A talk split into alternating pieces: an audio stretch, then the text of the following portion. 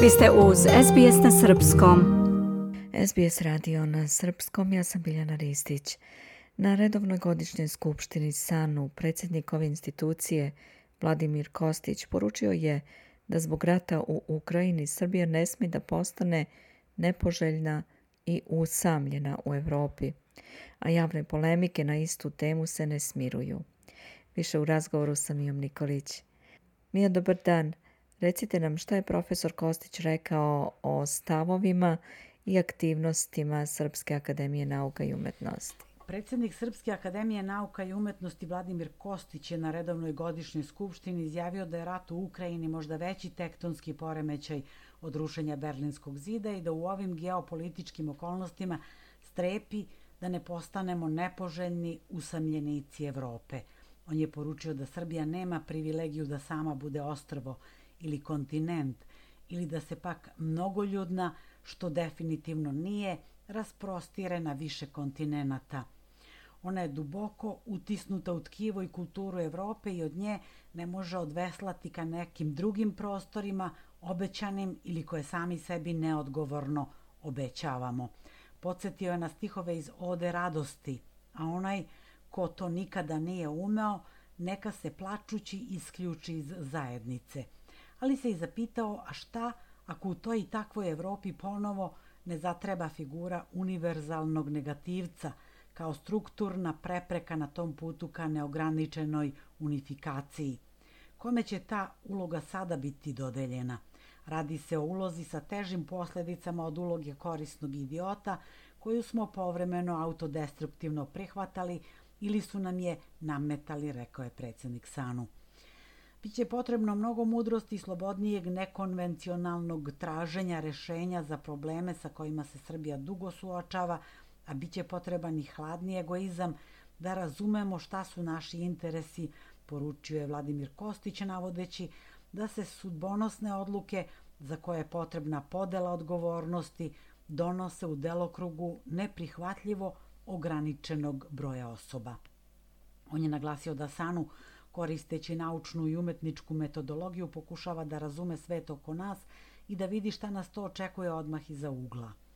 Akademija poslednjih 4-5 godina polako pokušava da anticipira događaje da se ne bismo iznova iznenađivali šta nam se događa, kazao je Kostić, uz napomenu da je pitanje koliki je opšti interes za te stvari.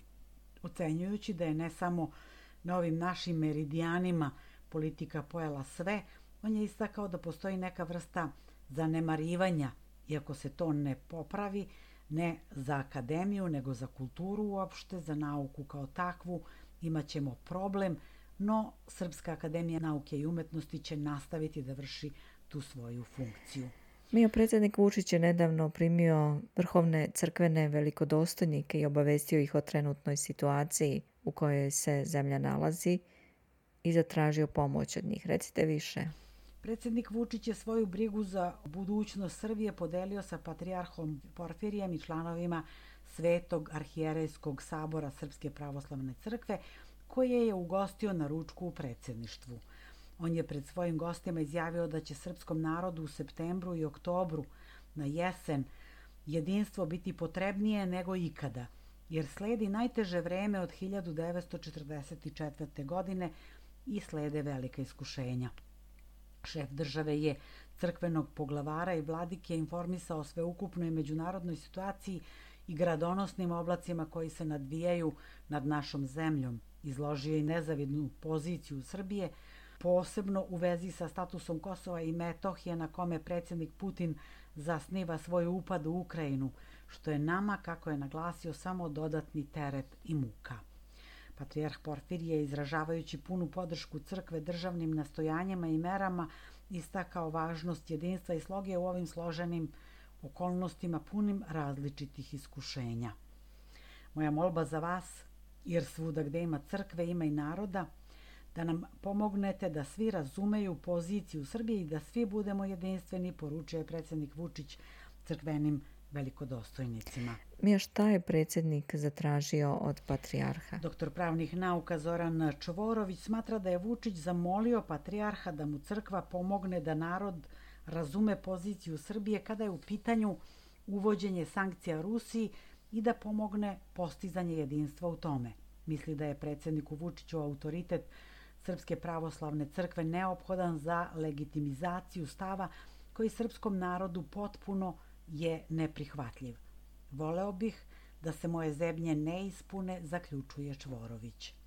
I Rodoljub Kubat, bivši profesor Bogoslovskog fakulteta u Beogradu, ocenjuje da je predsednik Srbije na nedavnom sastanku zatražio podršku crkve za odluku o uvođenju ili ne sankcija Rusiji i za smirivanje eventualnih tenzija i da on to radi kad god mu treba podrška i navodi da to pokazuje Srbiju kao klerikalnu državu, a što je posledica odsustva demokratskih principa. Kaže da crkva ima svoj prostor za delovanje i da ne bi trebalo da se petlja sa političarima i upada u to u šta je upala. Na pitanje zašto bi crkva ćutala ako se ide u pravcu uvođenja sankcija Rusiji koja je zaštitnik Kosova do kojeg je crkvi stalo, Kubat navodi da crkva nema nikakvu politiku u smislu proruske orijentacije, već da je to više politička igra u kojoj učestvuje vrh ljudi u SPC. Oni će se orijentisati onako kako to bude država od njih očekivala, a interes crkve u tome je ogroman. Crkva ima veliku finansijsku korist od države, kaže i naglašava da treba praviti razliku između crkve koja je sav verujući narod u Srbiji i širom sveta i vrha crkve. Taj vrh crkve je jako povezan sa državom i podržaće sve što Vučić radi, međutim dodaje iza toga ne stoji crkva kao celina, to jest narod. Objašnjava i da niže sveštenstvo ne sme da se suprostavi takvim stavovima, ono je potpuno obespravljeno i blokirano. Da li se u intelektualnim i političkim vrhovima govori o tome koji je to put kojim bi Srbija trebalo da krene? Što se tiče vašeg pitanja, hmm. Da li se nazire put kojim bi Srbija u ovoj situaciji trebala da krene, jasnih naznaka tu i dalje nema. Politikolog i ekonomista Vladimir Gligorov kaže da se spoljna politika Srbije decenijama zasniva na infantilnom odbijanju svakog kompromisa i odlaganju svih odluka. Taj pristup za koji se tvrdi da jača pozicije Srbije sveo je njenu državu na skup slabosti koje su tokom rata u Ukrajini kulminirale u savršenoj diplomatskoj oluji. Navodi on i dodaje da je sada to zapravo skup slabosti.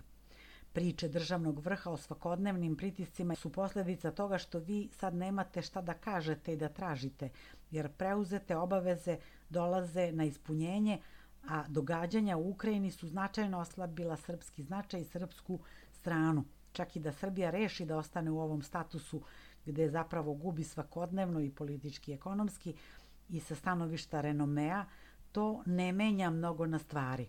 Samo će dalje slabiti pozicije Srbije, s obzirom na to da će biti pritisci okolo da se stvari rešavaju na štetu Srbije, izjavio je Gligorov. Deo analitičara smatra da državni vrh e, pravi još uvek računicu šta će manje da nas košta. Rusija može da nam zavrne gas i pravi probleme oko Kosova, a udaljavanje od Evropske unije ne bi baš bio povratak u 90. ali bi bio nalik. Očekuju da će se posle razgovora Vučića i Putina, za koji naš predsednik tvrdi da je bio veoma dobar i veoma koristan, znati kome i čemu smo bliži. Toliko za danas. Hvala Mija. Bila je to naša saradnica iz Srbije, Mija Nikolić. Slušate program na srpskom. Ja sam Biljana Ristić. Želite da čujete još priča poput ove? Slušajte nas na Apple Podcast, Google Podcast, Spotify ili odakle god slušate podcast.